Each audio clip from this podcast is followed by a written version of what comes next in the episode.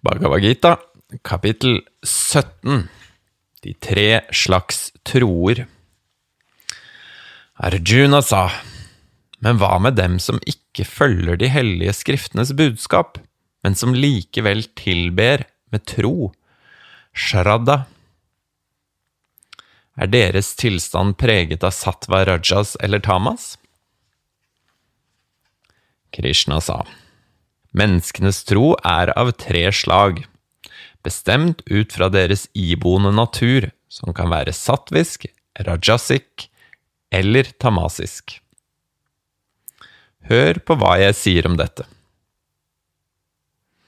Enhvers tro er i samsvar med ens indre vesen, Arjuna.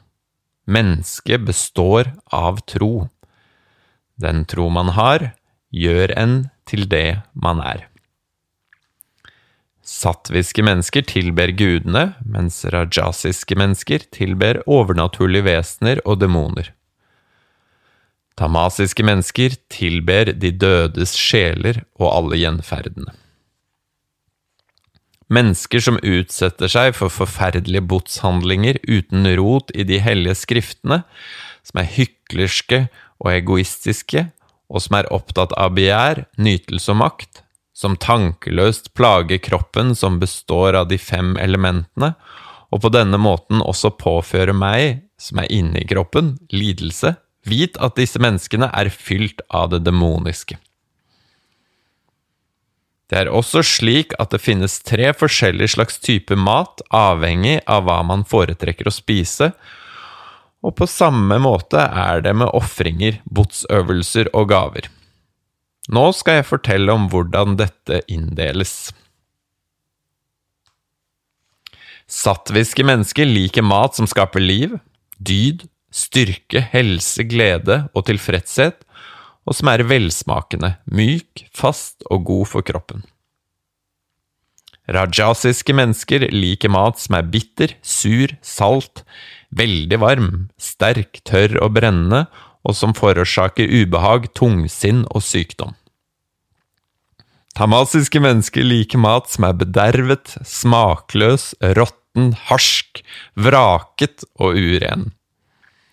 En sattvisk ofring gjøres i henhold til de hellige skriftenes forordninger, og er gjort uten tanke på at man skal oppnå noe annet enn å ofre. En rajasisk ofring gjøres med tanke på å oppnå noe, Arjuna, og gjøres dessuten med hyklerske hensikter. En tamasisk ofring gjøres uten å følge de hellige skriftenes anbefalinger, uten å gi mat som offergave, uten å fremsi hellige ord, mantra, uten å gi presten sin lønn og uten tro. Den kroppslige botsøvelse, tapas, sies å være tilbedelse av gudene, og de som er innviet i vedaene, av guruene og av de vise, i tillegg til renhet, rettskaffenhet, kyskhet, brahmacharya, og ikke-voldelighet, ahimsa.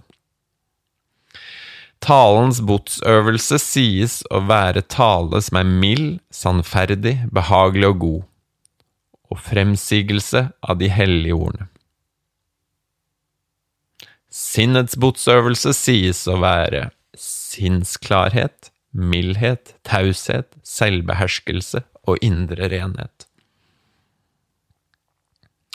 Denne trefoldige botsøvelse, som utføres av yogier med den sterkeste tro, som er karakterfaste og uten interesse av å nyte handlingens frukter, sies å være sattvisk. Botsøvelse som hykker hyklersk gjøres for å oppnå beundring, ære og anerkjennelse, kalles i denne verden rajasisk. Den er ustabil og varer ikke.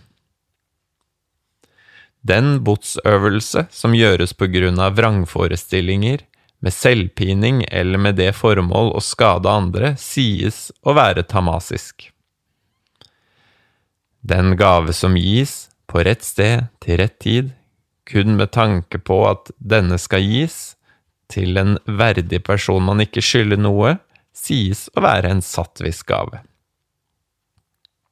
med den gave som gis med uvilje med tanke på at man skal oppnå noe, eller at man skal få noe til gjengjeld, kalles rajasisk. Den gave som gis på feil sted og feil tid, til uverdige mennesker med forakt og uten aktelse, sies å være tamasisk. Om tat sat sies å være den trefoldige betegnelsen av Brahman. Med dette uttrykket ble brahminene, vedaene og offerhandlingene skapt i eldre tider. De pliktoppfyllende tilhengerne av Brahman begynner derfor alltid sine ofringer, overrekkelser av gaver og botsøvelser ved å fremføre ordet om. De som ønsker å oppnå frigjøring og ikke begjærer frukten av sine handlinger, fremfører ordet tatt, mens de utfører ofringer og botsøvelser og overrekker forskjellige gaver. Ordet satt brukes i betydningen av sannhet og godhet. Satt brukes også for å beskrive en prisverdig handling av Juna. Videre betyr også satt utholdenhet i ofring, botsøvelse og overrekkelse av gaver samt handlinger med samme formål. Det som er gitt, ofret eller gjort, hvis disse botsøvelsene mangler tro, kalles det asat arjuna. Det er ingenting verdt, verken i denne verden eller i den neste.